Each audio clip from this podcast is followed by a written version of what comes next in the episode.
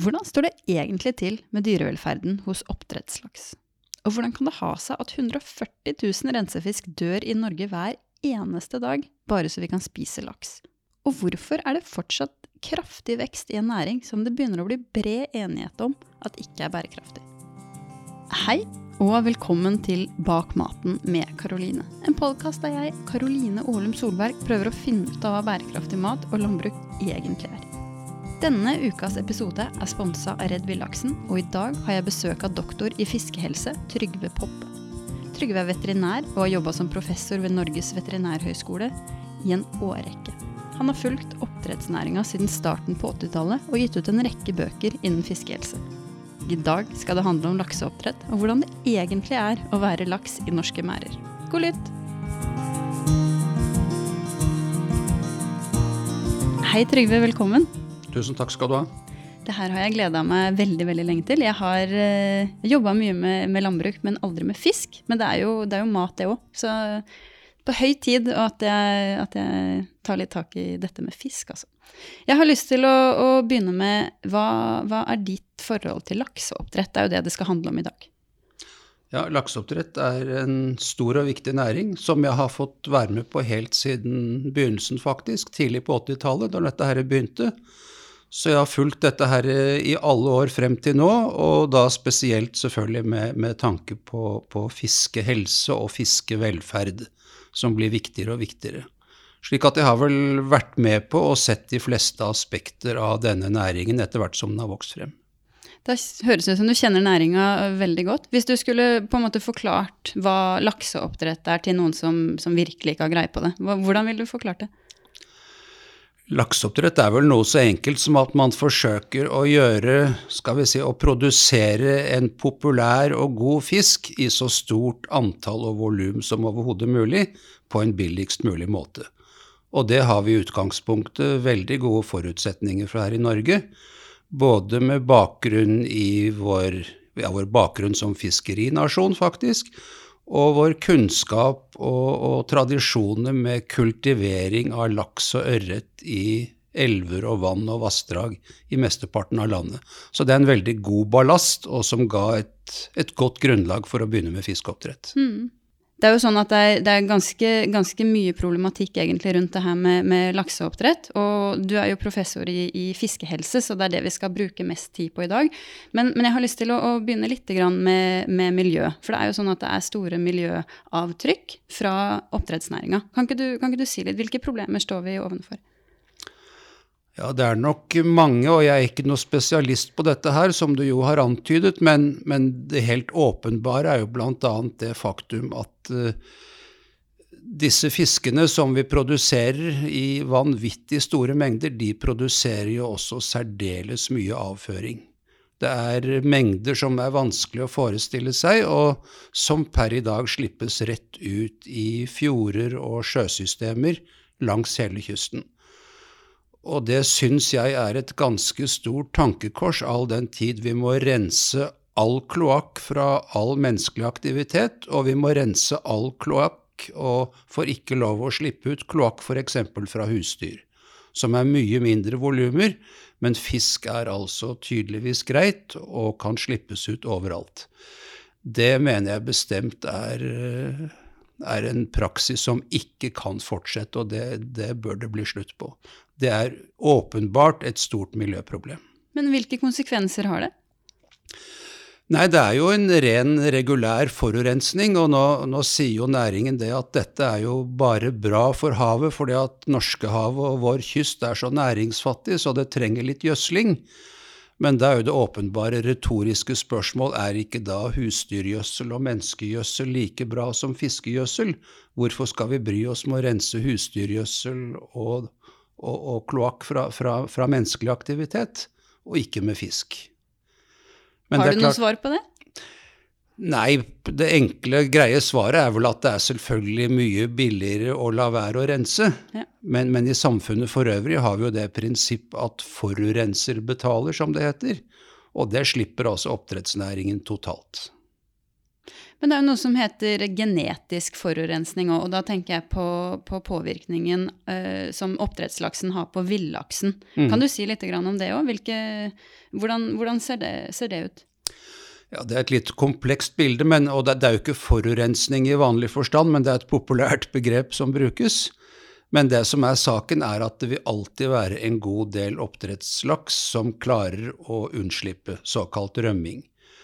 Og en varierende andel av disse her, de vil jo etter hvert også vandre opp i elver i området der de har flyktet, og kunne gyte parallelt og sammen med vill laks i disse områdene. Og det er da en utvikling man er veldig bekymret for, særlig hvis det blir for mye rømt oppdrettslaks, så vil det forstyrre selve den genetiske sammensetningen av de ville bestandene.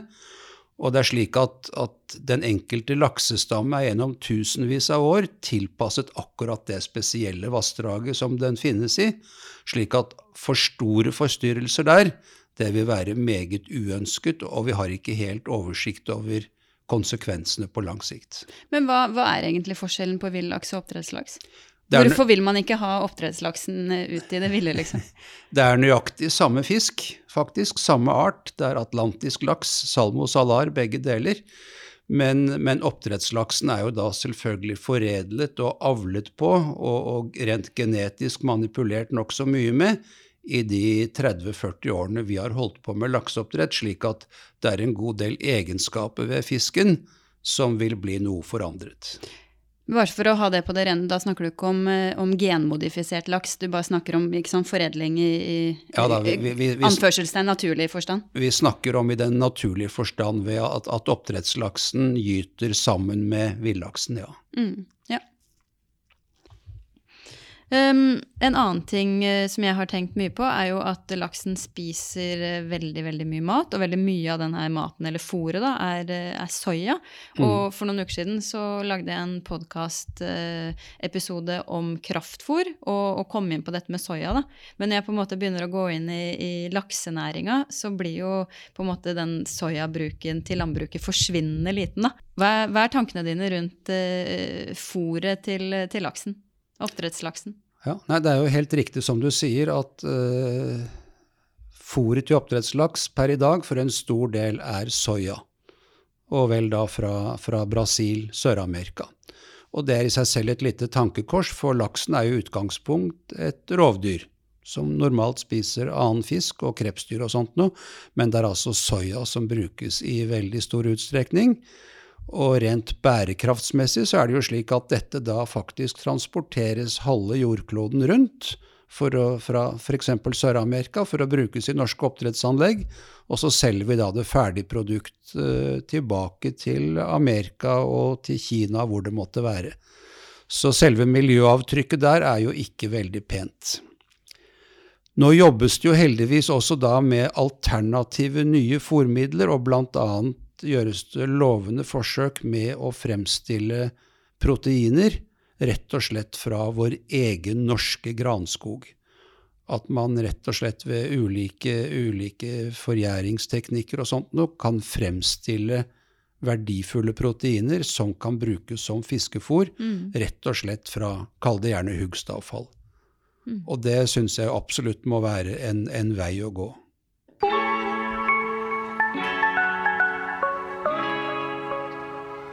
La oss, eh, la oss, gå over til, eh, til, ditt eh, fagområde her, som er fiskevelferd og helse. Det er jo noe du har jobba med, med, hele livet. Hvorfor, hvorfor, er det så viktig for deg? Jeg er jo utdannet veterinær og har vært veterinær hele mitt liv. Jobbet med vanlige husdyr først, før jeg begynte med fisk i 81. Og det var litt tilfeldigheter at det ble fisk som, som, ble, som ble mitt liv. Men det er jo en, en utrolig spennende del av norsk husdyrbruk, med stort potensial og veldig store utfordringer. Slik at det har, det har vært litt av en reise, egentlig, med en voldsom utvikling på mange områder, også hva angår sykdommer. Mm. Kan ikke du fortelle litt uh, om denne utviklinga og det potensialet du, du snakker om? Ja, potensialet fra næringens ståsted er selvfølgelig å, å, produsere svært store mengder og kunne eksportere store mengder og, og tjene mye penger på dette her. Og det, det, er jo også en stor og viktig næring. Mm. Mange arbeidsplasser, store eksportinntekter for Norge. Så det er nå det aspektet. Så har vi det aspektet at dette er altså en biologisk produksjon. Det er levende dyr. Og man kan ikke bare betrakte det man produserer omtrent som spiker og skruer og bildeler. For det å øke produksjonen og presse produksjonen, det har alltid en, si, en biologisk og helsemessig pris, mm. som da i praksis veldig ofte manifesterer seg i dødelighet og ulike sykdommer. Mm. Men før vi, før vi, går inn på, på, det, så har jeg lyst til å spørre hva, hva er eh, fiskevelferd, eller velferd for laksen for næringa i dag? Hvordan ser det ut? Hva, hva, er det enighet om, liksom? Velferd er jo et begrep som kan eh, defineres på ulike måter, men veldig kort og populært fortalt så ønsker vi jo at, at fisken skal ha det så bra som mulig ut fra den kunnskap vi har om hvordan en laks i gåseøyne ønsker å ha det. Mm. Altså optimale forhold. Og det ligger jo da selvfølgelig i en viss konflikt med det faktum at vi må holde store mengder av dem, til dels veldig tett sammen, og vi må presse dem ganske hardt for at de skal vokse fort, og for at vi dermed skal tjene penger på den aktiviteten vi driver med. Mm. Men eh, du jo du, du, snakker om hva det på en måte er eh, enighet om. Hva, eller hva er det enighet om? Hva, hva, hva føler laksen, og, og hva, vil laksen, liksom? Hvilke behov har laksen? Laksen har nok behov for å finne mat, og den har behov for, skal vi si, trygghet. Altså ikke bli tatt av andre. Og akkurat det, er den jo, det siste er den jo beskyttet mot når den går i et lukket oppdrettsanlegg, hvor det ikke er så veldig mange som, som ønsker å spise laksen direkte. Men eh, det å bli syk er jo en dårlig strategi for å overleve og å føre slekten videre, og det er jo det som er næringens kjempestore problem. Det er ulike sykdommer som gjør at fisken dør i altfor stort antall. Hvor stort antall snakker vi om? Ja, I sjøvannsfasen så er det jo anslagsvis 20% av laksen som dør i løpet av produksjonssyklus. Altså i tiden fra den settes ut i sjøen og til den blir slaktet, så er det da en dødelighet på ca. 20% Det er veldig, veldig høyt. Det er veldig høyt, og tallet blir jo ikke noe penere hvis vi inkluderer dødeligheten i ferskvannsfasen, altså fra rogn til utsett i sjøen som smolt, for da har vi nok en dødelighet som er enda høyere, men den regner man stort sett ikke med. Den tas sjelden med i regnestykket. Mm. Men jeg kjenner når du, når du begynner å snakke her, så, så, kan jo ikke jeg så mye om, om laksens liv. Mm. Jeg lurer på, Kan ikke du bare ta oss gjennom fra rogn til tallerken, litt sånn kort? Hva, hva, hva er laksen gjennom? Laksen, akkurat nå i disse tider når vi sitter her, så er det gytetid for laksen. Både i elvene og på avlsstasjonene som produserer rogn. Slik at da blir altså hunnfisk og hannfisk de blir strøket, som vi sier. Altså man tapper dem for rogn og melke, befrukter rogna og legger inn rogna i klekkerier. Som holder da en gitt temperatur gjennom hele inkubasjonsperioden, altså den tiden det tar å utvikle et befruktet egg til en plommesekkyngel. Og det ønsker man naturlig nok skal gå så fort som mulig, for da kan du raskere produsere mat. Men i alle fall, eh, hvis ikke fisken presses altfor hardt, så vil den altså utpå vårparten utvikles og klekkes til en plommesekkyngel. Så fra høsten til våren? Går fra høsten til Eller over vinteren? Ja. ja. Mm. Og når denne plommesekken så er brukt opp, det er fiskens matpakke, så må man begynne å fòre den. Og da er det viktig at den fisken rett og slett lærer seg å spise og ta til seg fôr, for, for det er en veldig kritisk fase. Og da har du det du kaller for en yngel, og etter hvert en lakseunge eller en par er, er fagbetegnelsen på dette her. Og så fôres de da i løpet av denne ferskvannsperioden, enten ca. et halvår eller ett år, alt ettersom. Og da er de etter hvert blitt store nok til å tåle å settes ut i sjøen. Og da har de blitt det som vi kaller for en smolt, altså et individ som er i stand til å tåle både ferskvann og sjøvann. Men når du sier i sjøen, er det da i merdene? I havet, i merdene, ja. Ja. ja. ja. Og så transporteres de da ut til merdene i sjøen, i fjordene, vanligvis med en brønnbåt, og settes ut der og fòres opp til de er store nok til å slaktes. Og da er det jo slik at ulike markeder vil ha litt ulik størrelse på fisken, men, men i vanligvis ett og et halvt år eller noe sånt, så er de stort sett slakteferdige og veier da rundt en ja, tre-fire-fem kilo. Fra de blir satt ut i merdene? Ja. Ja. Ja. Så det, det hele tar omtrent to år? ja. Mm. Men du, jo, du sa jo at det er veldig høy dødelighet og mye sykdom. Mm. Hva, hvor går det gærent? Det går gærent på mange ledd. Altså, laksen har jo et stort antall infeksjonssykdommer, forårsaket først og fremst av virus og bakterier. Når det gjelder bakterier, så har man etter hvert utviklet gode vaksiner, slik at fisken blir da vaksinert før den settes ut i sjøen, i god tid før den smoltifiserer. Slik at da er den beskyttet mot viktige bakteriesykdommer som vibriose og frunkulose f.eks. Men så er det da også en god del virussykdommer, akkurat som hos oss mennesker, som er mye vanskeligere å håndtere, og som forårsaker høy dødelighet. Så det er da de infeksiøse sykdommene. Og så har vi det som i dag er det helt dominerende problem for oppdrettsnæringen, det er lakselus. Og lakselus er altså et parasittisk krepsdyr som lever helt naturlig i havet og er en naturlig parasitt på vill laks i havet og sjøørret og sjørøye f.eks. Men når vi holder fisk i veldig tette bestander, i store antall på et begrenset område, så får selvfølgelig parasitten, kall det gjerne gode arbeidsforhold, og de utvikler seg til å bli et problem som må behandles. Og de må behandles ikke bare for oppdrettslaksens egen del, for, for lusa den forårsaker alvorlige skader på fisken hvis den ikke holdes i sjakk, men et kjempeproblem er jo også det at denne lusa som produseres i anleggene, den vil også kunne smitte våre ville lakse- og sjøørretbestander i sjøen. Så det blir et slags formeringsanlegg ikke bare for laks, men også for, eh, for lusa? Definitivt. Et oppdrettsanlegg for laks det produserer store mengder infektive lakseluslarver, som da vil finnes i fjordene, og infisere og smitte f.eks. laks, laksesmolt som er på vei ut mot havet om våren fra våre elver. Så det er rett og slett en nasjonal forpliktelse vi har ovenfor villaksen.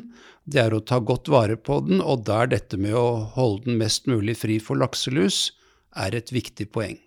Men jeg har lyst til å stille et litt sånn eh, idiotspørsmål. Hva, det høres ut som det er mye styr da, å ta vare på den villaksen. Hvorfor er det så viktig?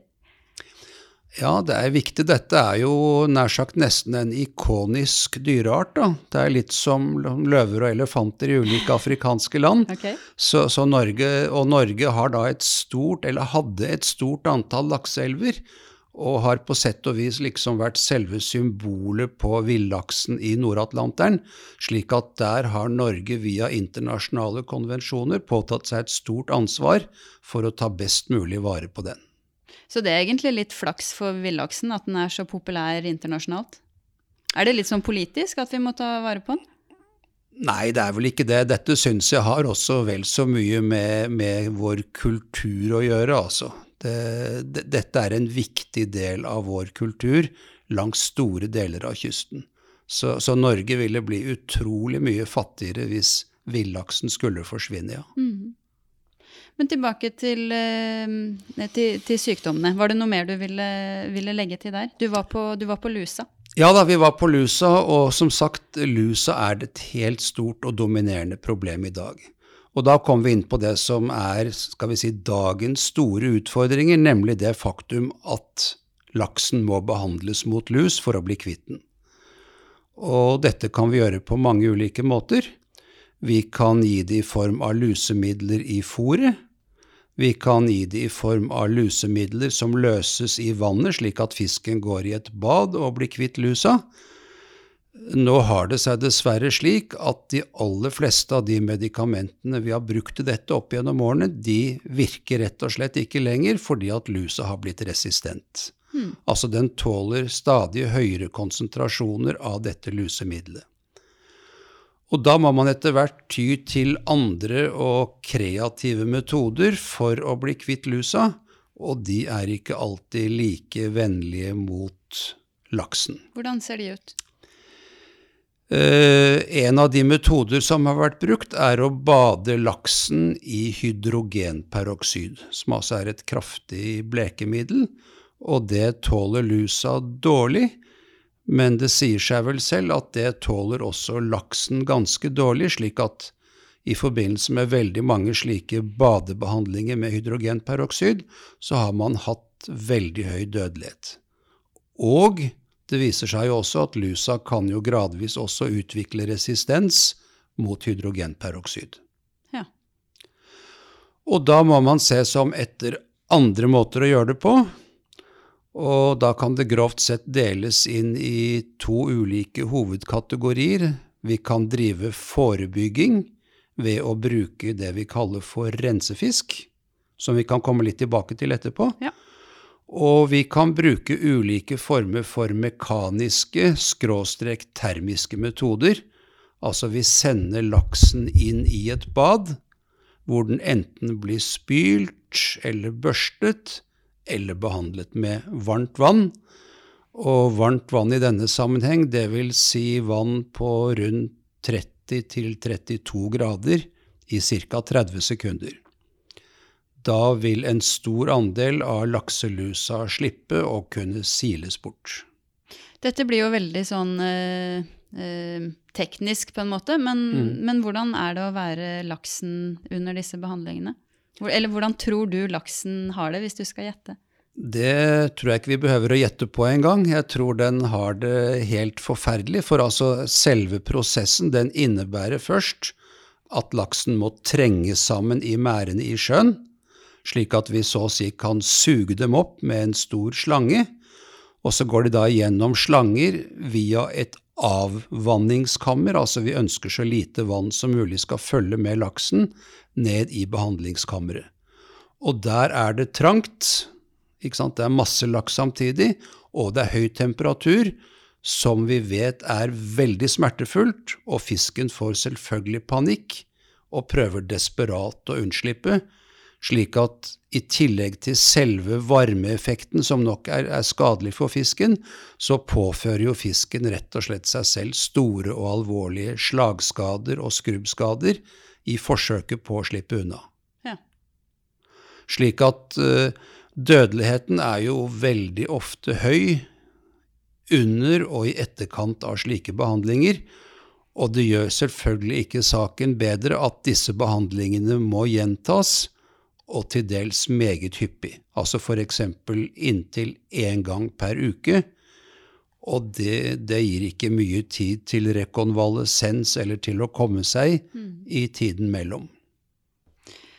Når du, for, når du forteller det her, så, så, lurer jeg på, er ikke, har ikke laksen noe rettigheter? Er det, er det, hvem er det som passer på laksen, liksom?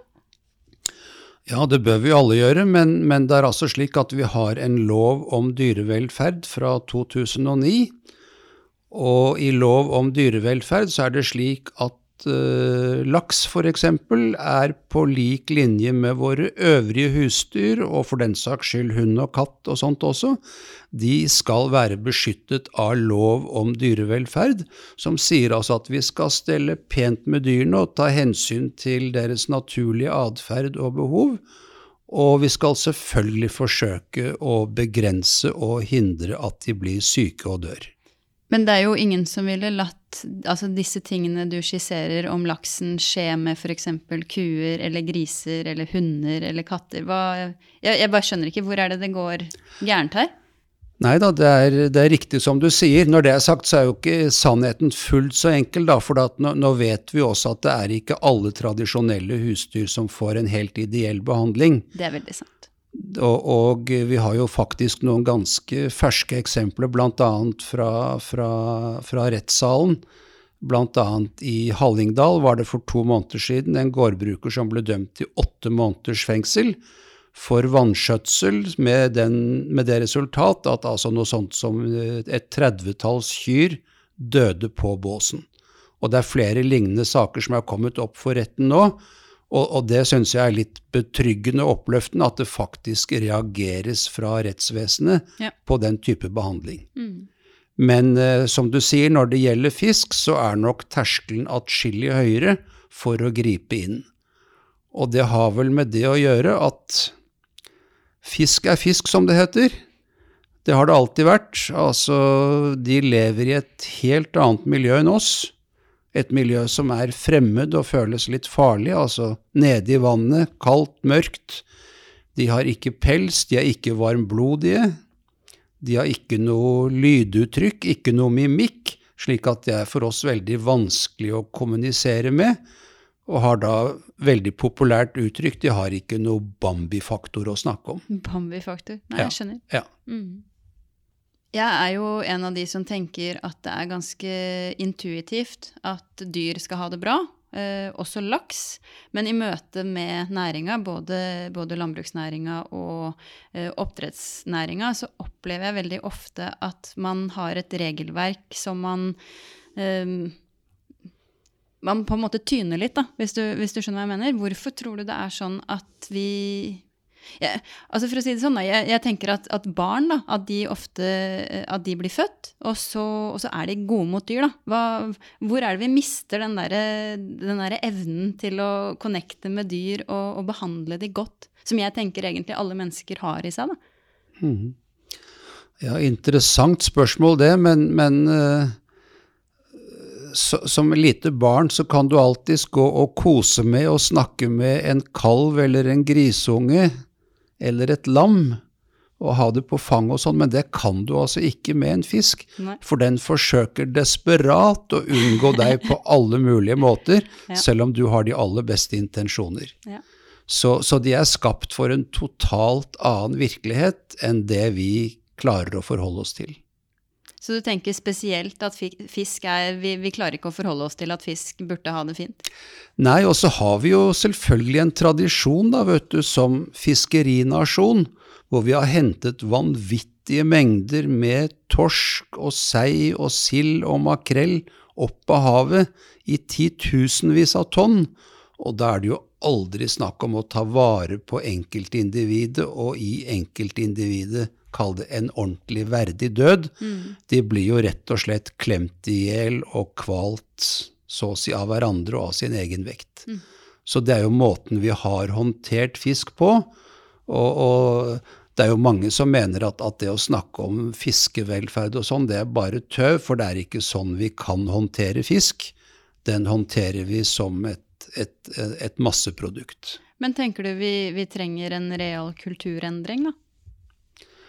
Ja, personlig syns jeg jo det, og samtidig må man være realist og innse det at tradisjonelle fiskerier, de, de, må jo på et eller annet vis gjøres så effektive som mulig. For det er stramme tidsmarginer, og det er store volumer, og det er ofte røft vær osv. Slik at det må jo gjøres veldig effektivt. Men, men det er faktisk arbeid på gang med å forsøke å gjøre, skal vi si, avlivningen av f.eks. torsk, sild, makrell osv. mer skånsom og kall det gjerne human enn det tilfellet er i dag. Hvordan ser det ut?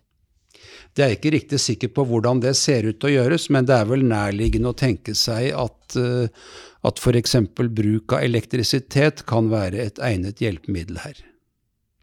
Men jeg lurer på, du må jo ha gjort deg noen tanker om, om hvordan, eh, hvordan oppdrettsnæringa ser ut i en ideell verden, i motsetning til hvordan den ser ut i dag? Mm. Hva Ja. Altså jeg, tenkte, jeg, tenker punkt én at, at, oppdrettsnæringen er en stor og viktig næring, og med et stort potensial. Og det er jo en flott måte å lage mat på. Men, men, det som virkelig bekymrer meg, og som gjør at det ikke er en ideell verden i dag, det er det vanvittige presset det er på hele tiden å skulle øke produksjonen. Det er kun det eneste mantraet som gjelder, det er å øke og øke og øke, til tross for at vi ikke har kontroll med de problemene som vi har per i dag. Og det mener jeg burde være en klar forutsetning for en biologisk produksjon, at skal du øke volumet av dette her, så må du ha kontroll med de problemer du har i dag, og vite hvordan du skal håndtere utfordringene. Men det har man ikke. Det eneste som gjelder, er å øke hele tiden. Hvorfor er det sånn, tenker du? Nei, dette er noe, er nær sagt kapitalismens vesen, at det er vekst som gjelder. Mm. Og for å kunne hevde seg i konkurransen og sånt noe, så, så, så, må det være vekst. Men jeg mener altså at i en biologisk produksjon så er det et forkastelig utgangspunkt, og det, det blir jo utrolig dårlig dyrevelferd av det. Og jeg syns også at, at det, det, betyr på litt sikt at, at at vi blir jo litt avstumpet som mennesker, da. At vi kan tillate oss å håndtere så store mengder husdyr på en slik måte. Mm.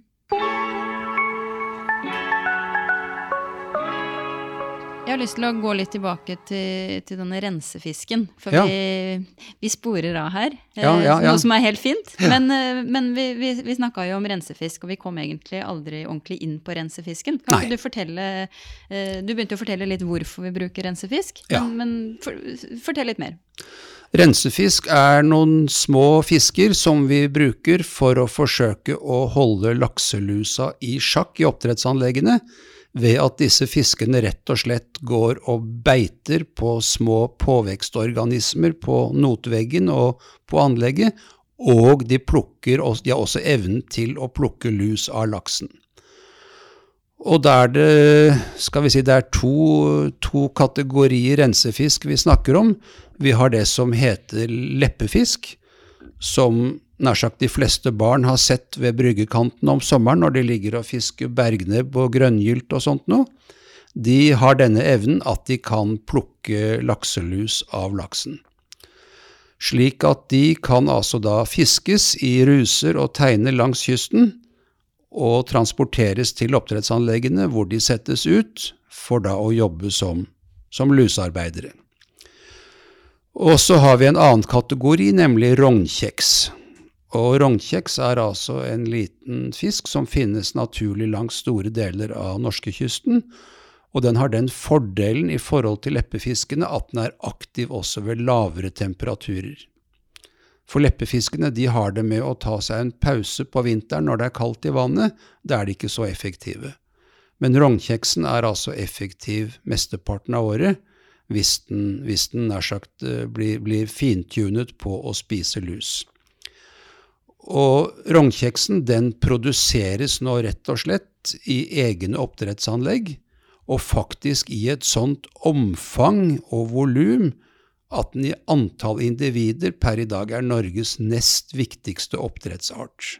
Jøss. Og ingen har jo egentlig hørt om den? Veldig få har hørt om den eller vet hva som foregår. Mm. Ja, hvordan har denne fisken det? Hvordan er det å være rognfisk og leppefisk i et uh, norsk oppdrettsanlegg? Det er tydeligvis ikke så greit, fordi at de aller fleste av disse her vil jo da dø i løpet av skal vi si, kontraktperioden de har i oppdrettsanlegget, og de dør da av en lang rekke ulike sykdommer. Eh, jeg nevnte for deg at jeg har jobbet i denne bransjen her siden 81, og jeg har vel aldri opplevd noen fiskeart som har fått så mange og ulike typer infeksjonssykdommer som rognkjeks. Så de er tydeligvis veldig mottagelige, og sannsynligvis også veldig stresset av det livet de blir satt til å leve i oppdrettsanlegg. Mm. Så den dagen laksen skal slaktes, så ønsker man jo ikke at rensefisken skal være med inn på slakteriet, slik at de blir da silt fra, men, men, i praksis er det veldig få som overlever. Slik at det er jo stipulert at uh, årlig så dør det altså ca. Ja, 40-50 millioner rensefisk i norske oppdrettsanlegg. Det er så mye at jeg klarer ikke å forholde meg til det engang. Nei, det, dette er sånne onkel Skrue-tall Ja. Som er vanskelig å forholde seg til, men vi kan jo dele det på 365, som er antall dager i året, og da får vi ca. 140 000-150 000 husdyr, faktisk, som dør hver dag for at vi skal kunne spise laks og eksportere laks. Eh, Når det gjelder rensefisken, så skrev jeg for tre-fire år tilbake en eh, artikkel det jeg kalte for En lignelse i Norsk veterinærtidsskrift. En fullstendig oppdiktet historie, men som illustrerer på sett og vis det jeg forsøker å få frem her. Og da skrev jeg faktisk om bruken av rensefugl i fjørfenæringen i Norge hvor jeg kokte i hop en historie om at det benyttes store mengder av ulike typer småfugl som er veldig effektive til å plukke parasitter av høns, verpehøns osv. Og dette er blitt så populært blant norske fjørfebønder at vi også da importerer småfugl f.eks. fra Italia og Hellas, og bruker de i norske fjørfeanlegg. Det eneste aberet, eller ulempen med dette her, det er at dødeligheten altså er veldig høy på disse rensefuglene, slik at de stryker med i store mengder. Og dette begynner folk å klage på, for de registrerer jo det at sangfuglene blir borte. Og myggplagen blir mye større enn den var før, for det er ingen småfugler som spiser insekter. Og eh, det ble lite liv på fuglebrettet, for å si det sånn etter hvert. Så det var nå historien, og det er selvfølgelig bare oppspinn, for norske fjørfebønder gjør ikke dette. Men det er altså en helt klar parallell til det vi gjør når det gjelder rensefisk. Vi fanger dem i store mengder, importerer dels fra utlandet, setter dem ut for å holde et problem i sjakk i oppdrettsnæringen, og så dør de aller fleste i prosessen. Og dette hadde vi neppe tillatt f.eks. om vi gjorde tilsvarende med alle våre småfugler. Mm. Med kjøttmeis og gråspurv og, og linerle og lerke f.eks. Det, det skulle tatt seg ut. Ja. Ja. Mm. Men jeg, jeg, jeg skjønner ikke hvorfor Mattilsynet, som på en måte har ansvaret for det her, ikke setter ned foten. Hvorfor er det ingen som setter ned foten? Hvorfor er det greit? For det, Hvis man ikke setter ned foten, så er det vel greit? Ja, det kan du si. Altså, Mattilsynet synes tydeligvis heller ikke at dette er greit, og de sier at dette er et stort problem, og dette må løses. Men, men problem, problemet blir jo stort sett ikke løst, da. For, for problemene fortsetter, og dødeligheten vedvarer. Og det er jo slik da at det står i, i, i dyrevelferdsloven at dyr skal ikke lide i utrengsmål. Hva betyr utrengsmål? Ja, eller det, ikke, ikke, ikke unødvendig, da. Jeg skjønner. Ja, og, og da kan man diskutere hva er i utrengsmål.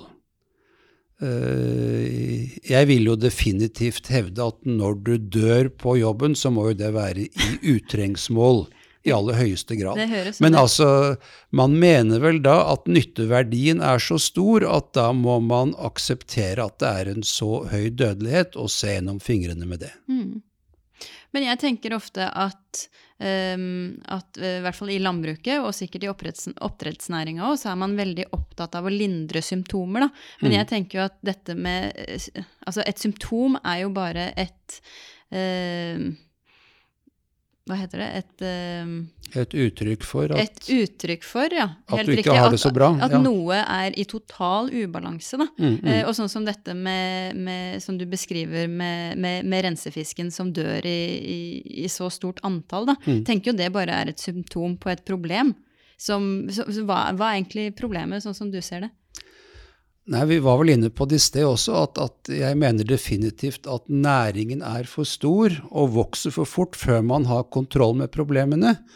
Og det er vel også slik at nå utfordres jo det konseptet som hele tiden har vært bærende i norsk fiskeoppdrett, nemlig at det er så veldig fint og fordelaktig å drive oppdrett i åpne merdsystemer. Hvor altså da vannutskiftingen sørger for å bli kvitt avføring og alle avfallsstoffer fra fisken og, og, og CO2 og sånt noe, det blir man jo kvitt veldig lettvint. Men samtidig så har det jo da den prisen at ulike sykdomsfremkallende organismer de får jo fri tilgang til fisken ved at det er ikke noe tett skott mellom det som er innenfor nota og det som er utenfor nota. Og da får du disse problemene, og det er vel bl.a. derfor at dette nå tvinger seg frem med lukkede oppdrettsanlegg, som enten er i form av lukkede enheter, lukkede merder i sjø, eller hvor vi har anlegg som rett og slett plasseres på land, og hvor du baserer driften på såkalt resirkulering av vannet. Du bruker altså veldig lite nytt vann hele tiden, men renser det vannet du har, veldig godt. Er det fremtiden, tenker du? Det er vel i alle fall en del av fremtiden, og i så måte så er jo fremtiden allerede her. For nå etableres det jo lukkede anlegg og landbaserte anlegg mange steder i Norge og mange steder i verden. Og da kommer det også litt inn på dette med miljøproblemene, for altså, lakseoppdrett er jo en eksportnæring, og veldig mye av det vi produserer, det går jo med fly til ulike andre verdensdeler. Og flytransport er som kjent ikke veldig miljøvennlig. Ved å flytte disse oppdrettsanleggene til steder hvor det bor mye folk, så kan du redusere transportutgiftene ganske dramatisk. For eksempel så, så, bygges det jo nå, og drives faktisk, et kjempestort lakseoppdrettsanlegg i Florida. Og det høres veldig rart ut at du kan drive lakseoppdrett i Florida, som du forbinder med, med alligatorer og palmer og, og fine strender, mm. men det er altså mulig takket være voldsomt uh, rike grunnvannsreserver som kan pumpes opp, og hvor du får vann av kjempegod kvalitet. Men én ting er jo uh, miljøavtrykket og dette med, med lakselus. Mm. Men, men, sånn med min kunnskap så, så, tenker jeg jo er det, Hvordan er det å være laks uansett, da? Å svømme rundt i ring tett i tett mm. i en, i en mære? Uh, I sjøen eller på land, liksom? Ja. Ja da. Nei, vi, vi, skal vel også være klar over at uh, det å drive oppdrett i lukkede enheter, det er heller ikke uten problemer på noen måte. Blant annet er rett og slett altså vannkvalitet og styring med god nok vannkvalitet, det er uh, en veldig kritisk faktor. Og det har faktisk også ofte gått galt, og da har du fått høy, ganske så akutt dødelighet. Så det er jo problemer som definitivt må løses. Men eh, av de store fordeler er naturligvis det at du slipper jo lakselusa, definitivt. Det er ikke tale om at den kan komme inn der.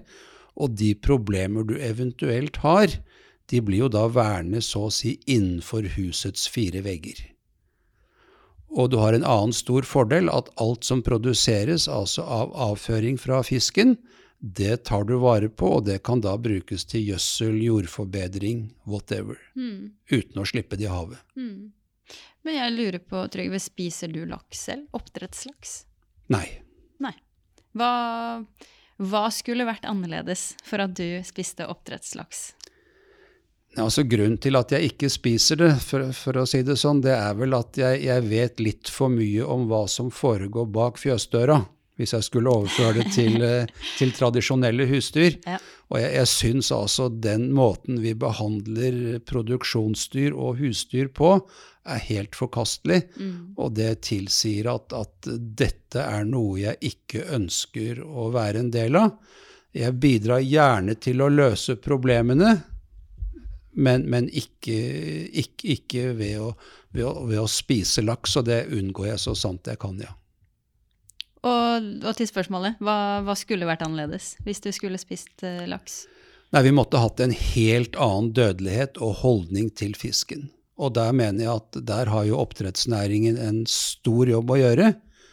De, de har hatt en veldig stor tendens til å distansere seg fra de virkelige problemene, bl.a.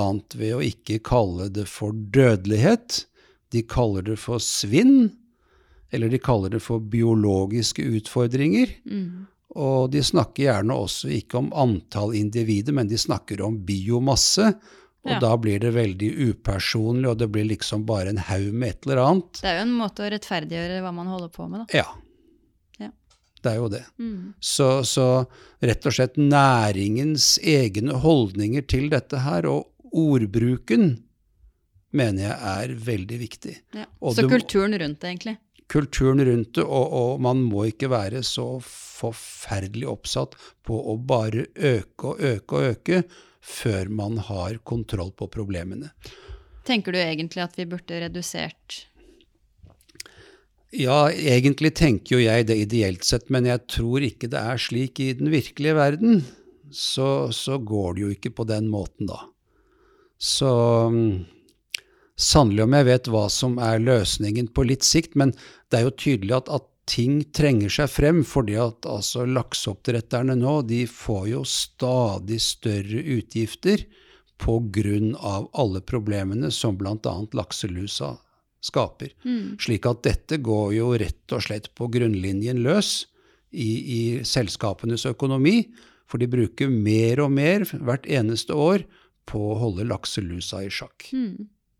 Men før du, før du kom hit, eh, Trygve, så gjorde jeg jo litt research på deg, og det er ganske lett å, å, å finne ut at du jobber i et eh, selskap som jobber for eh, oppdrettsnæringa. Jeg lurer på hvorfor, hvorfor har du valgt det når du er såpass kritisk til, Mm, eh, mm. til næringa?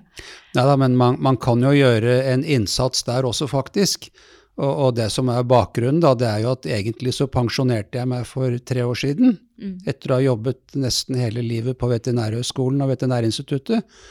Men så var jeg pensjonist faktisk bare i syv timer, tror jeg det var. Og så ble jeg da spurt om jeg ville jobbe i dette selskapet som du nevner. Ja. Og det er altså et selskap som da jobber med å diagnostisere, altså finne ut hva det er oppdrettsfisken dør av. Og det mener jeg er en, en viktig jobb, hvor man har en veldig viktig jobb å gjøre, og bidra med å forsøke å holde fisken så frisk som mulig, Mm. og bl.a. gjennom å finne ut hva den dør av. Og da kan man jo også være i veldig god kontakt og kommunikasjon med oppdretterne for å finne gode løsninger på de sykdomsproblemene som laksen har. Ja, Jeg skjønner. Aller siste spørsmål, Trygve, som jeg stiller alle gjestene mine. Hva, hva gir deg håp? Det gir meg håp at uh, vi ser vel en overgang, enten næringen liker det eller ikke, til at det går mot lukkede anlegg. Det tror jeg vil være et fremskritt sett ifra et helse- og velferdsperspektiv for laksen. Da har vi muligheter for å ha bedre kontroll. Og jeg håper og tror også at det kan bli større fokus blant forbrukere på hvordan dette husdyret faktisk har det. Mm.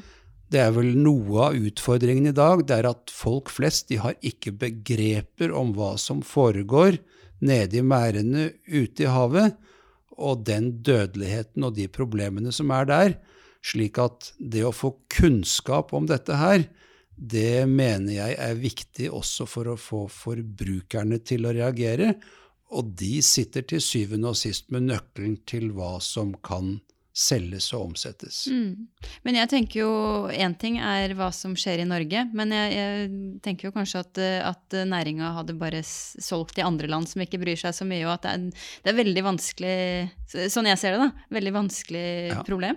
Det, det er helt riktig. Det er kjem, en kjempeutfordring. Og eh, dessverre er det vel slik at folk flest er villige til å akseptere mye dårlig dyrevelferd hvis produktet de kjøper er billig nok. Ja.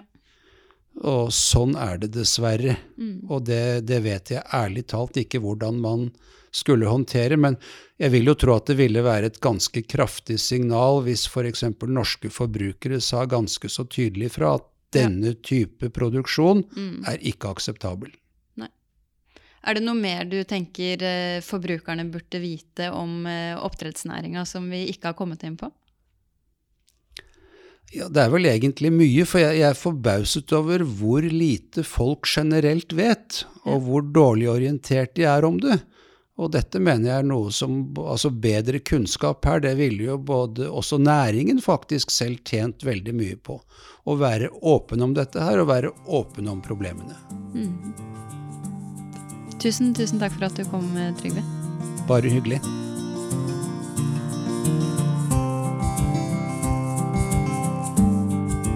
Denne episoden er laget av meg, Karoline Aalum Solberg, og er sponset av Redd Villaksen. Musikken er laget av Creo og Lyro Serverer.